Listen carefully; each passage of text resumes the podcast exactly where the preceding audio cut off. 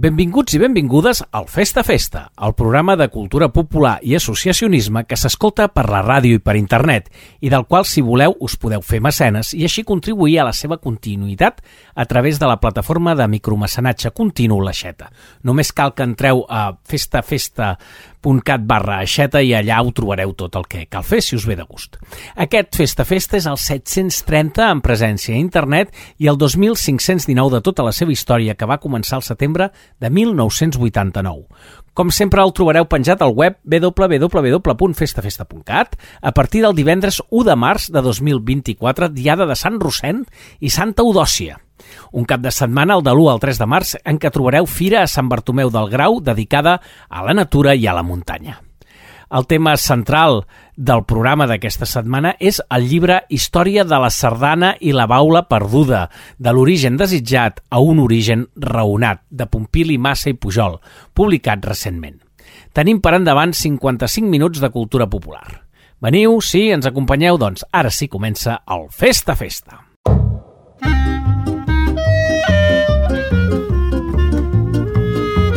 Festa, festa! Cultura popular i associacionisme a la ràdio i a internet.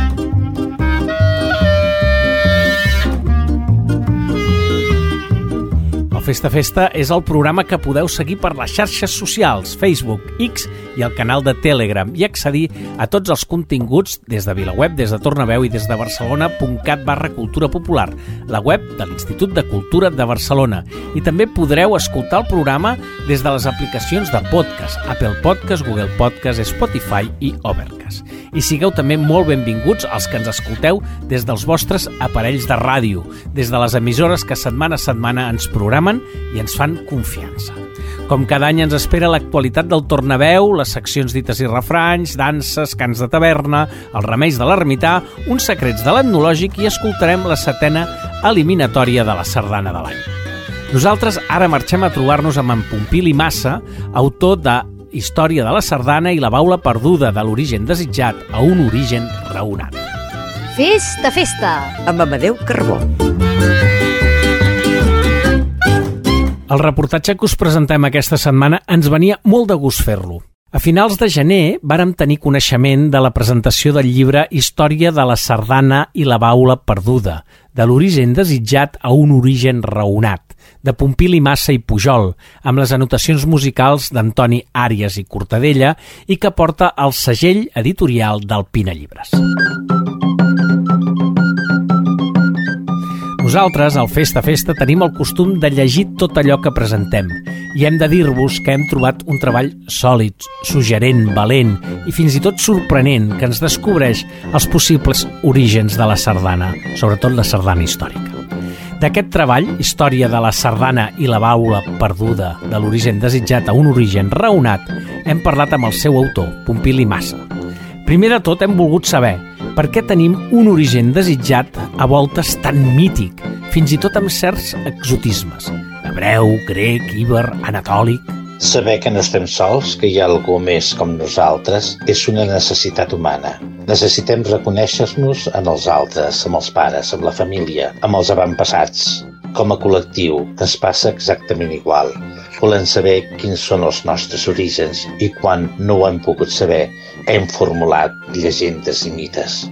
Això és el que ha passat amb la sardana. Els nostres escriptors s'han deixat seduir prou abastament. Verdaguer abraçava l'origen egipci quan escrivia Carnac pinteja gent en sa muralla amb aquest tros de púrpura en el front quan feren tremolar en gran batalla el tron de granit dels fronts. Maragall, en canvi, optà per utilitzar un peu mètric grec. La sardà n'és la tant sa més bé lletató deslastant fan i es desfan, on, amb l'ús del peu mètric en apest, ens vau fer evident el més íntim vincle de la sardana amb la cultura grega. És, a més, algun passatge s'inspira en la Ilíada d'Homer, però en lloc de dedicar-lo a Demeter, el dedica a Ceres, i és que trobem fragments que estan inspirats de manera gairebé explícita en l'obra Fasti de l'escriptor romà Ovidi.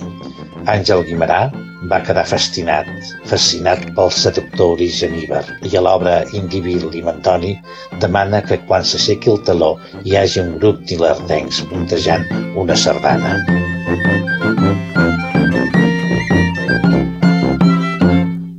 I de l'origen desitjat a l'origen raonat, que és el moll de l'os d'aquest llibre i que apunta a que la sardana històrica trobi les seves arrels en la carola, però la majoria dels mortals no sabem què és la carola. Personalment defenso que la forma carola de finals del segle XVI o, començaments del XVII presentava en la part d'intervenció coral una forma coreogràfica idèntica al que podem considerar primeres sardanes. La introducció dels instruments que substituïen les veus cantades va abocar en molts casos la desaparició de les parts dramatitzades. Així, quan la part dramatitzada desapareix, ens trobem amb una forma idèntica a les primeres sardanes. A partir d'aquest moment, comencem a trobar cançons de dansa i peces instrumentals que solament poden ser solucionades de la mateixa manera amb l'ús del punt que anomeno punt pere, els punts de branda doble i de branda simple i els seus derivats, variacions o equivalències. La sardana és per damunt de tot una dansa i, per tant, moviment. I d'això l'autor en sap un munt. És per això que el discurs del llibre Història de la sardana i la baula perduda, de l'origen desitjat a un origen raonat, posa l'accent en el punt de vista coreogràfic per raonar tota l'evolució d'aquesta dansa. Els pocs comentaris que s'han fet sobre l'origen del ball, deixant de banda, esclar, els orígens mitològics, s'han basat generalment en unes similituds nominals on la forma circular d'un altre ball. Però la forma circular és natural i comuna a tota la societat humana – L'observació del moviment, però, és segurament l'única eina que ens pot donar una informació significativa. Però, és clar, per a que aquesta informació sigui vàlida, cal que el ball observat estigui resolt amb els mateixos paràmetres de quan aquests balls estaven vigents. Per entendre'ns, una adaptació dins d'una escola, d'un esplai, o fins i tot d'un esbar d'ensaire, de la mesurera, és, vulguem o no, una adaptació didàctica molt respectable, jo mateix les he fet servir mentre he fet de mestre i molt bé que ens va, però pel que ara busquem no ens aporta cap informació vàlida. En canvi, si aquestes manifestacions les solucionem amb els punts que li són propis, propiciem que les puguem observar amb tota seguretat d'una manera més propera a la manera de ballar-les del moment en què es van concebre. Oh,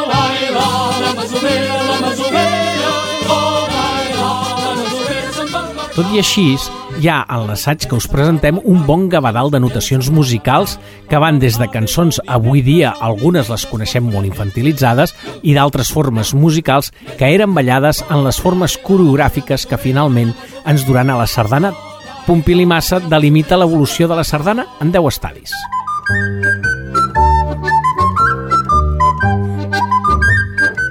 Les primeres etapes o estadis costen de veure, però hi són. Es dedueixen pels comentaris, fragments literaris, pel context. L'estadi que ja és completament clar i net és el que jo anomeno quart estadi i que podríem establir entre 1606 i 1659. El 1606 és l'any en què Pere Franquesa va ser detingut i posat a la presó. Molt possiblement, a partir d'aquest moment es va posar de moda la cançó que coneixem com la Margariteta. El text és un escarni molt benèvol, esclar, sobre unes suposades relacions entre la reina Margarida d'Àustria i el seu secretari Pere Franquesa. Aquesta peça presenta una forma de carola estricta, però quan la Margarideta passa a fer-se instrumentalment i fem desaparèixer la dramatització, el que en queda és una forma coreogràfica idèntica a les sardanes que presumim d'aquest període, que vindrien caracteritzades per la presència del punt pere, la presència de punts de branda doble i de branda simple, o bé dels seus equivalents, per a poder-la solucionar correctament. A mesura que avança aquest període o estadi, molts punts de branda doble són substituïts per l'equivalència del seguit de sardana, i si bé aquesta tendència no la trobem explícita, en el següent període les melodies o cançons sardanejades que trobem ja no presenten la necessitat de solucionar-se amb els punts de branda. L'agrupació del material per estadis evolutius ens permet comprendre les característiques de cada moment i resituar els materials que es puguin anar trobant.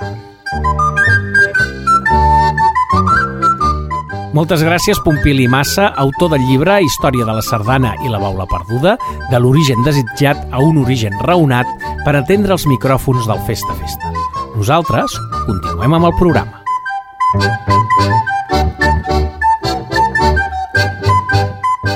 Festa, festa! I fem una aturada per escoltar el primer tema musical que ens porta a anunciar-vos que el proper divendres 8 de març, al CAT, a dos quarts de nou del vespre, hi haurà ball folk amb les violines i amb el grup Sucarege Trio. I d'aquest grup Sucarige Trios de qui volem escoltar un tema musical que dibuixa un paisatge instrumental original inspirat en el folklore dels Balcans i precisament al Festival Tradicionari estrenen espectacle dedicat al ball tradicional de Bulgària. I doncs d'aquest grup volem escoltar ara un tema que du per nom Itzgrajala Emesenzinka. Són les Sucarige.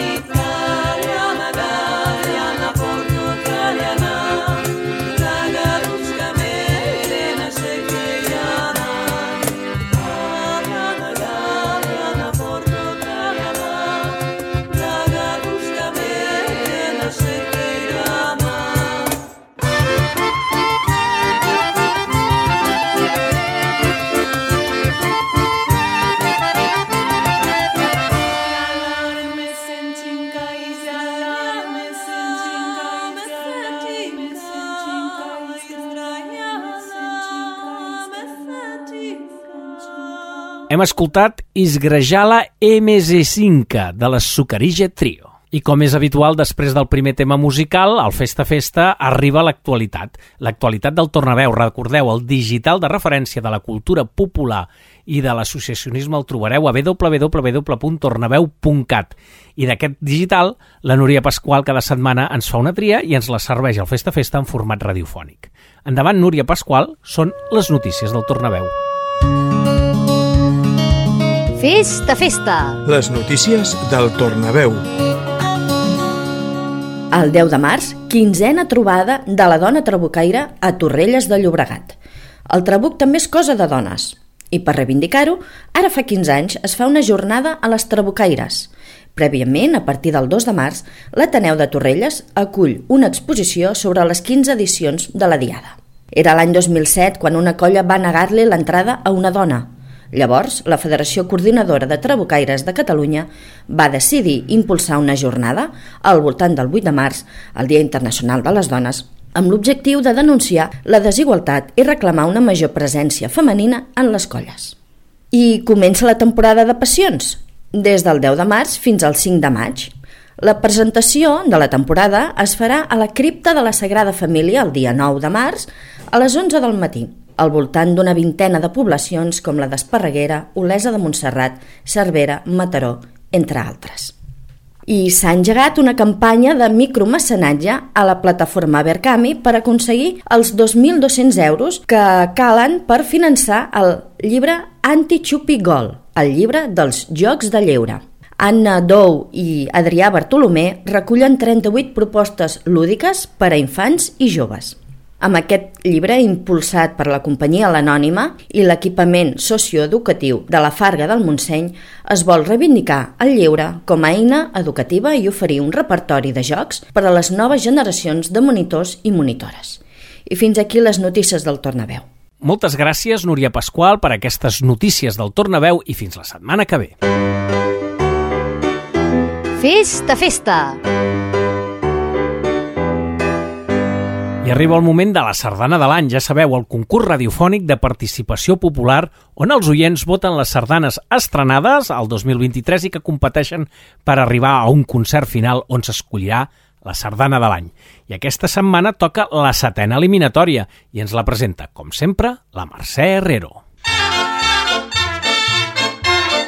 Som Sardana presenta la sardana de l'any. Setena eliminatòria. Sardana número 1. Una vida al teu costat, de Lluís Alcalà. Cobla Sant Jordi.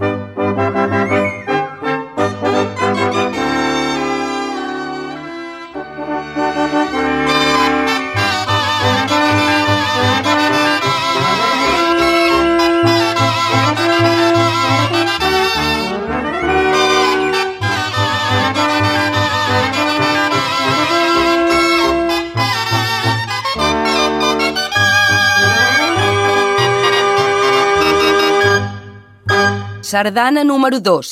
El faràs, el farràs amb F de fil, fruita, d'en Marc Magrí, cobla principal del Llobregat.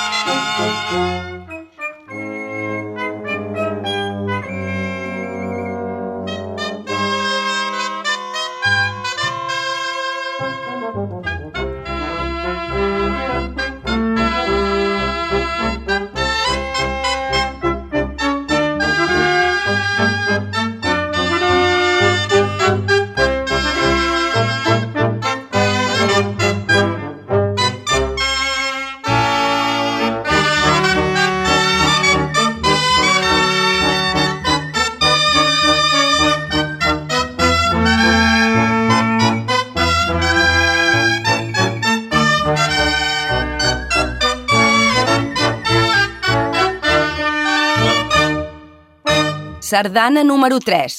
El joc de l'àngel, de Cesc Coromines. Cobla principal del Llobregat.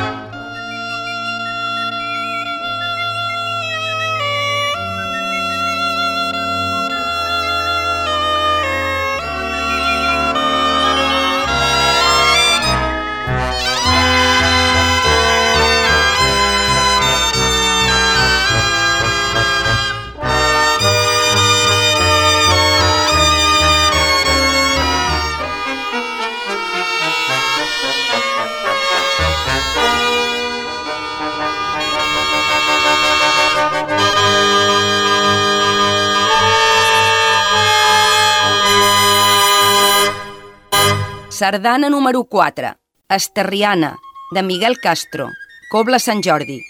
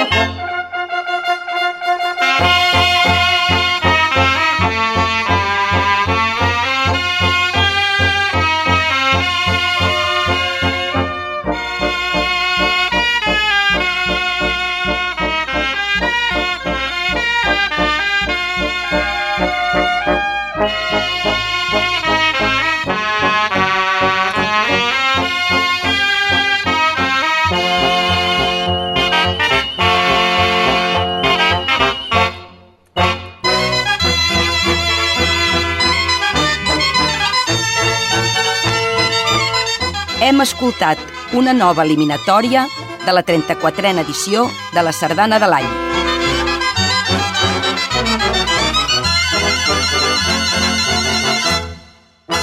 Moltes gràcies, Mercè Herrero, i fins la setmana vinent. Recordeu que aquest any la final se celebrarà el dissabte 25 de maig a l'Auditori August del Palau de Congressos de Tarragona.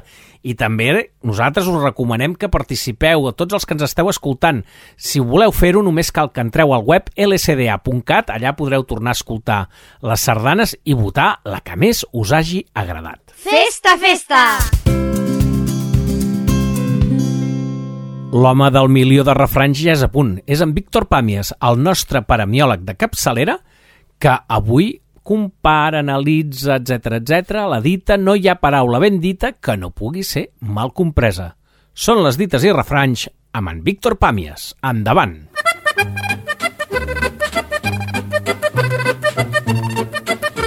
Fes de festa. Dites i refranys. Amb Víctor Pàmies. No hi ha paraula ben dita que no pugui ser mal compresa. No em negareu que de vegades el refranyer traspua seny i sentit comú. No crec que li calgui molta explicació a aquesta dita.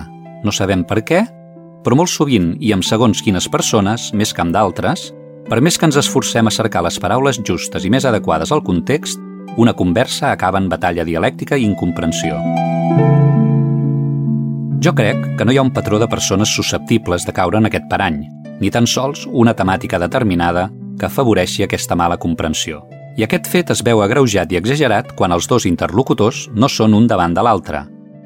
Inicialment en una conversa telefònica i ara mateix en les múltiples converses que podem tenir a través de la xarxa o a través de molts diversos canals i mitjans. Bé, alguna pista sí que tenim de per què s'esdevé aquest fet, i jo penso que va molt relacionat amb el llenguatge no verbal. Tot allò que transmet la persona sense dir-ho a través dels gestos, del moviment, de les faccions de la cara, de la tensió del cos, etc. No hi ha paraula ben dita que no pugui ser mal compresa. Moltes gràcies, Víctor Pàmies, i fins la setmana que ve. Que bonica que és la dansa. Aquí al Festa Festa eh, doncs, us, us podem servir comentaris crítics sobre dansa, perquè clar, no som imatge, som ràdio, som veu, però que de tant en tant ve la Berta Miró i ens fa un comentari sobre una dansa, en aquest, o una coreografia, etc. Aquesta setmana toca la platja del Far. Són les danses amb la Berta Miró.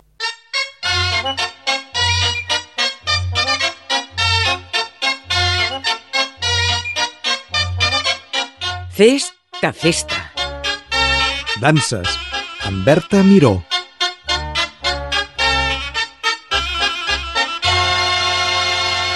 Avui, al Danses, volem tenir un record i homenatjar així el coreògraf Eduard Ventura i Díez, un coreògraf nat a Rubí l'any 1960 i que ens deixava sobtadament a l'edat de 50 anys.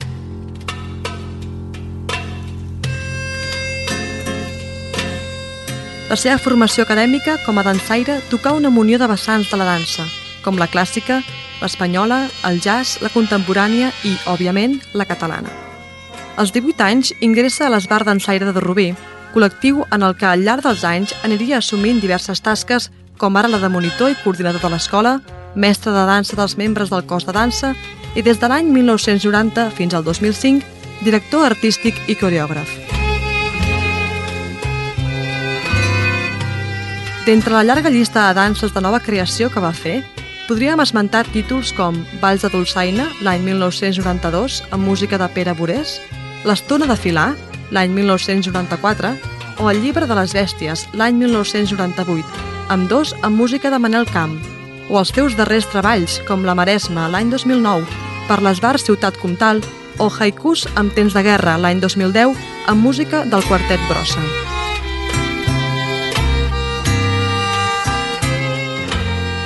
Volem destacar també algunes col·laboracions importants en espectacles de dansa i en aquest sentit podem esmentar la direcció artística, juntament amb Lluís Calduc, de l'espectacle La dansa catalana a escena, encomanat per l'agrupament d'esbars dansaires per a la celebració del centenari dels esbars l'any 2002, o la participació en el muntatge de la coreografia col·lectiva Viatge per la dansa Destí Dakar, a les festes de la Mercè 2010 de Barcelona. Aquest any havia estat escollit assessor artístic de l'Espona, el nou centre de la dansa tradicional catalana ubicat a Rubí.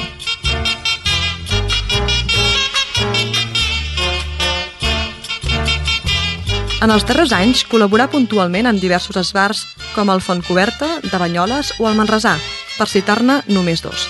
I des de l'any 2008 havia assumit també la direcció artística de l'esbar Joaquim Ruïra de Blanes.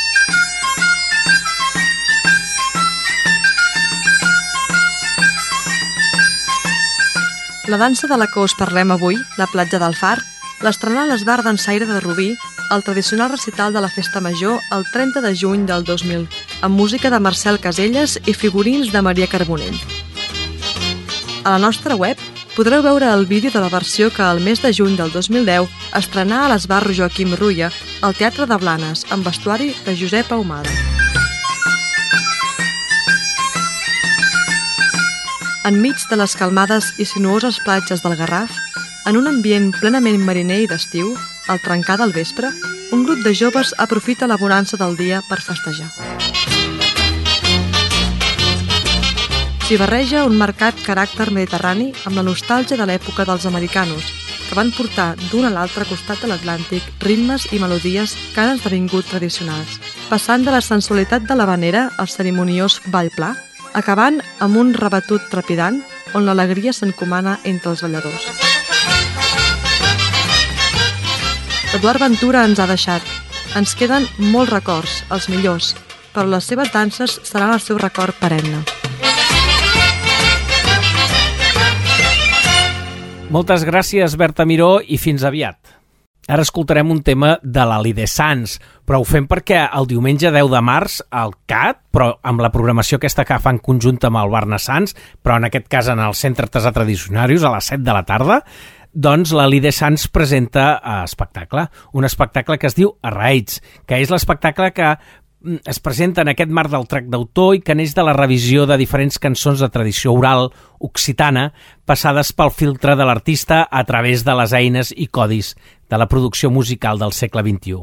Un repertori que ofereix amb una sonoritat festiva i ballable, una essència, cultura popular, medi rural de muntanya i perspectiva de gènere. Doncs de Alidé Sans ara escoltarem un tema que es diu Et Goi. Asió. Emetut era mia sang, era mia soleta esperança, en mengoi. Des més arnells clauadi, en ges un arbe nau, des més arnells cremadi, salame un tuec nau. Des més arnells secs, baixe un riu nau. Des més arnells geladi, se lleue vent de la tempesta, se daurís la mar, se creve per aquí on passe vent. Ara, ara porti era fardada de peires, et tu fes pes. És a raïts de la muntanya.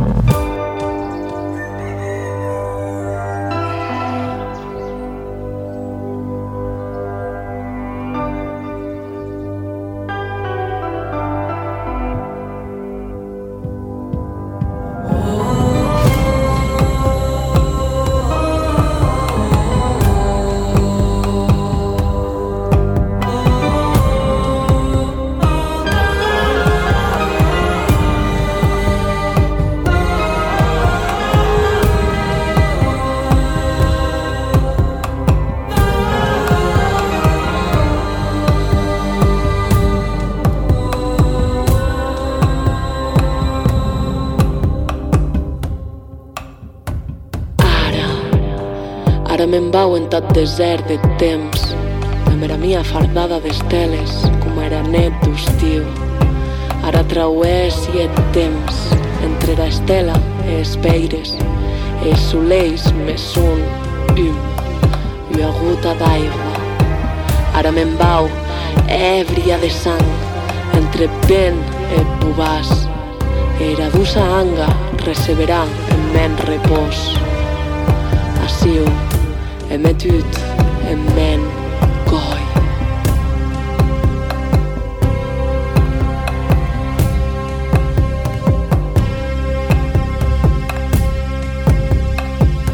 Hem escoltat Et Goi, de l'Ali de Sants. Festa, festa! Festa! Qui no s'ha pres mai una camamilla, allò que tens la, la panxa que no saps ben bé com està? Doncs mireu, en Fra Valentí Serra de Manresa, en els Remeis de l'Ermità, aquesta setmana precisament ens parla de la camamilla. Endavant. Festa, festa. Els Remeis de l'Ermità. Un espai produït amb la col·laboració del calendari de l'Ermità dels Pirineus. Guió i veu de Fra Valentí Serra de Manresa, arxiver dels Caputxins. Pau i bé. La camamilla. Avui us vull parlar de la camamilla, que és una herba remeiera molt estimada per la medicina popular. Gaudeix de notables propietats calmants del sistema nerviós i sobretot afavoreix la digestió. El religiós caputxí Fra Jacint de Sarrià en el llunyà segle XVIII, va escriure que la flor de la camamilla se'n fa un oli molt bo per mitigar l'ús dolors i que la decocció de la camamilla mitiga l'ús dolors del ventrell i és bona per moltes enfermetats. Dóna ganes de menjar i té la virtut de resoldre. La camamilla és una planta molt coneguda. La trobem de manera espontània a les vores dels sembrats i creix també abundosament en els erms i guarets situats al nord-est del territori peninsular ibèric. De la camamilla només s'utilitza la infusió de les flors, que s'han d'haver collit en un dia serè i clar, i després cal fer-les assecar a l'ombra. El cèlebre metge de la Universitat Complutense i doctor Andrés de Laguna, en el segle XVI va escriure sobre les propietats més desconegudes i beneficioses de la camamilla i assenyalar que també sana la icterícia i les enfermedades de l'hígado y sirve su cocimiento de muy útil fomentación contra les passiones de la vejiga. Us desitjo a tots molt bona salut, amb pau i bé i amb bones tisanes de camamilla. Gràcies, Fra Valentí Serra, de Manresa, i ho tindrem eh, en compte tot el que aquestes, aquestes propietats que té la camamilla. Segur, segur, ens anirà molt bé. I és el moment que arriba en Francesc Sánchez Carcassés amb els seus cants de taverna. Avui ens presenta un tema conegut, la gavina, però interpretat per l'Andrea Motis. Endavant.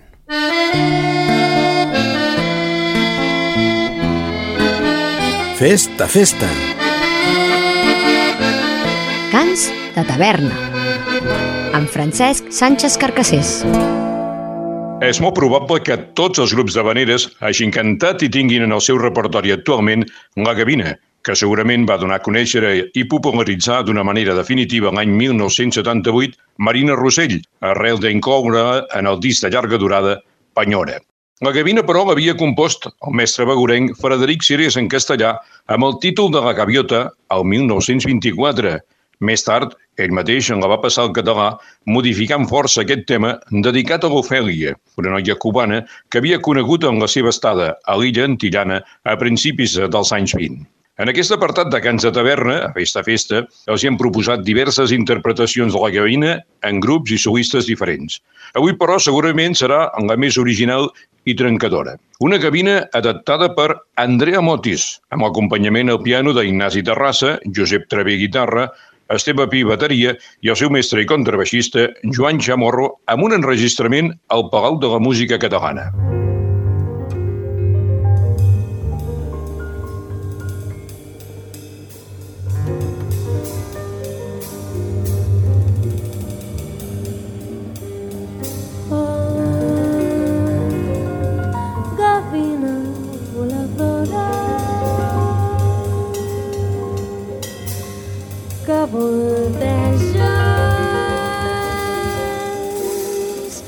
Sobre el mar.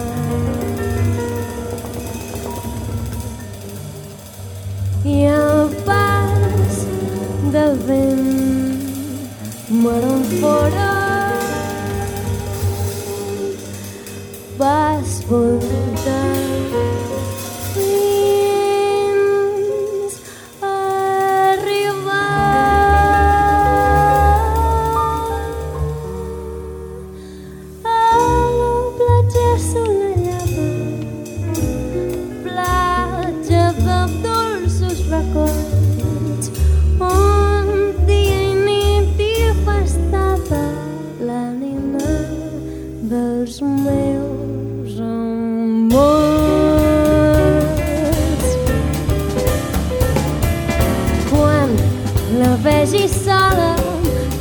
贴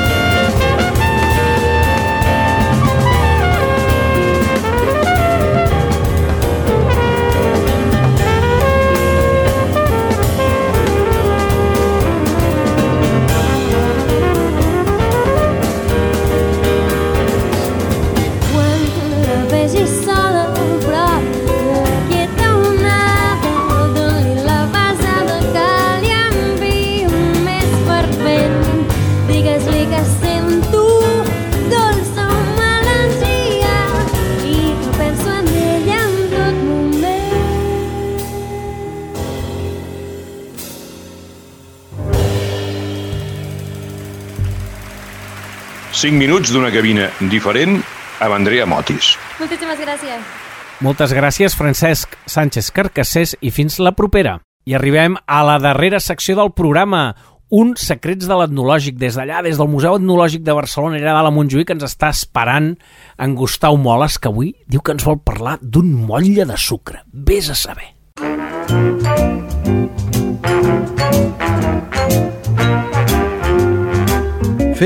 Festa, festa. Els secrets de l'etnològic, amb Gustau Moles. M'acabo d'adonar que explicar-vos un motlle de sucre dels que hi ha al museu no és una tasca massa fàcil. Entenc que us hauria de comentar moltes, moltes coses, per tal de que us féssiu càrrec del tipus d'objecte que és i el que representa, i potser no tinc prou espai ni temps. Intentaré fer una síntesi per tal que escolteu el màxim d'informació sobre els motlles de sucre, nom pel qual es coneix aquests estris, que al meu parer s'haurien d'anomenar motlles per al sucre. No és un objecte massa vist ni sentit, o sigui que em poso a la feina, que aquí comencen els intríngulis. La canya de sucre, Saccharum officinarum, antigament anomenada canyamel, és la principal matèria primera de l'origen del sucre i és de la que es coneixen les referències històriques més antigues, que es remunten a gairebé 5.000 anys enrere. Se sap que des del segle VI abans de Crist es coneix l'extracció de sucre de canya a la Xina i que la primera persona d'Occident que va provar el gust de la canya de sucre, al segle IV abans de Crist, va ser Alexandre el Gran, al que s'atribueix la frase «existeix una classe de canya que produeix mel sense les abelles».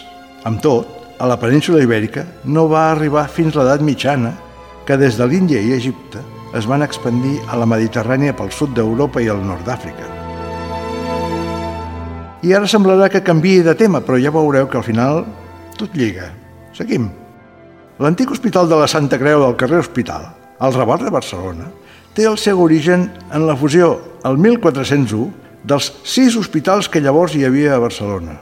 En la seva construcció, seguint les pautes de l'època de l'anomenat estil gòtic, es volia aconseguir el màxim de lleugeresa estructural a més del màxim de lluminositat.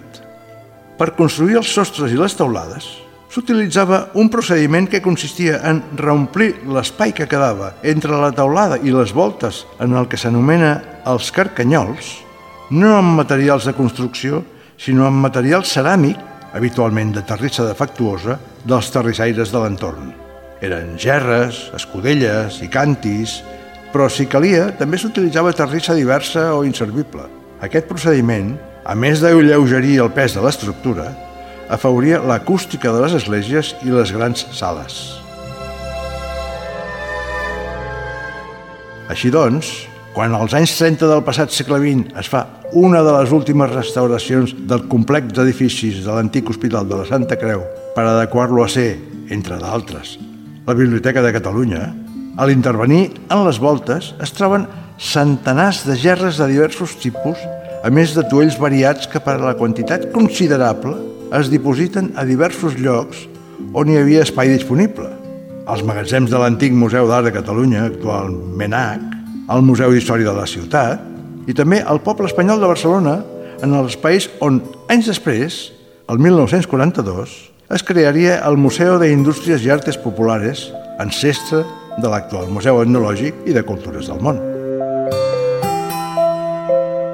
A l'hora de revisar aquestes col·leccions ubicades al museu, al poble espanyol, ens varen trobar com a terrissa de voltes, entre molts d'altres, els atuells que comento avui, els motlles per a sucre. I així tornem a parar al nostre secret. L'elaboració del sucre, més enllà de les tasques de recol·lecció i de tallar i triturar la canya, comportava un procés de refinat i una sèrie de processos d'ebullició i filtrat que finalment s'abocava en un gran nombre de motlles cònics invertits. Aquests motlles, que normalment eren de terrissa, són els motlles per a sucre que hi ha al museu. Tenien l'interior preparat perquè el sobrant de tot el procés d'ebullició i filtrat de la matèria prima, la canya, llisqués cap al fons com un con invertit on tenia un forat en la part baixa.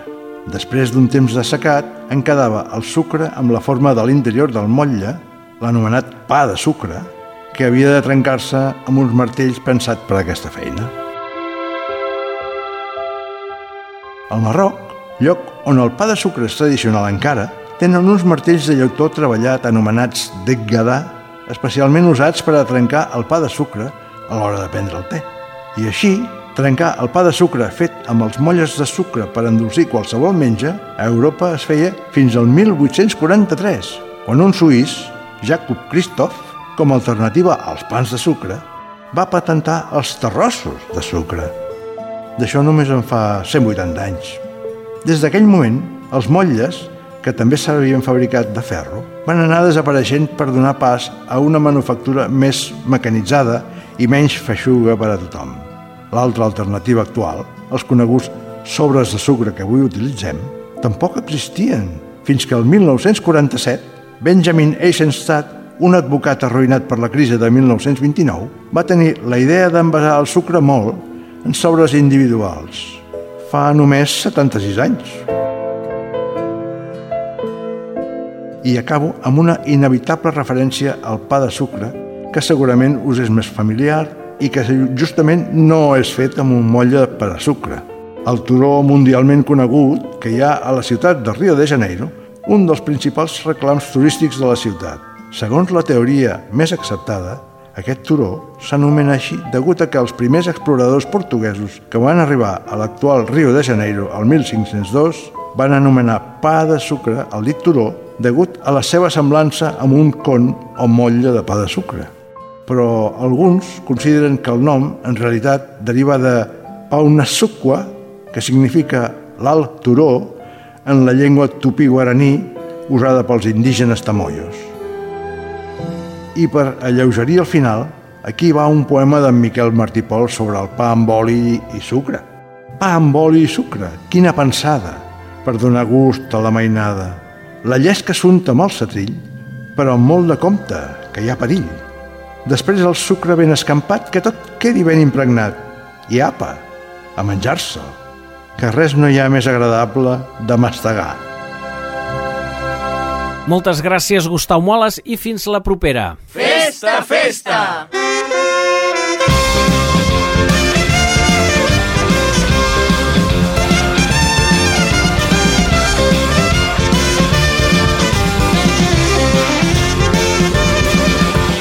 El Festa Festa 2519 s'acaba i aquesta setmana l'hem fet amb Víctor Pàmies, la Berta Miró, en Francesc Sánchez Carcassés, en Gustau Moles, en Fra Valentí Serra de Manresa, la Núria Pasqual, l'Helena Mayor, l'Eulàlia Molera, la Marta Ibanya, d'en Joan Serra, en Josep Maria Dell i qui us ha parlat, Amadeu Carbó.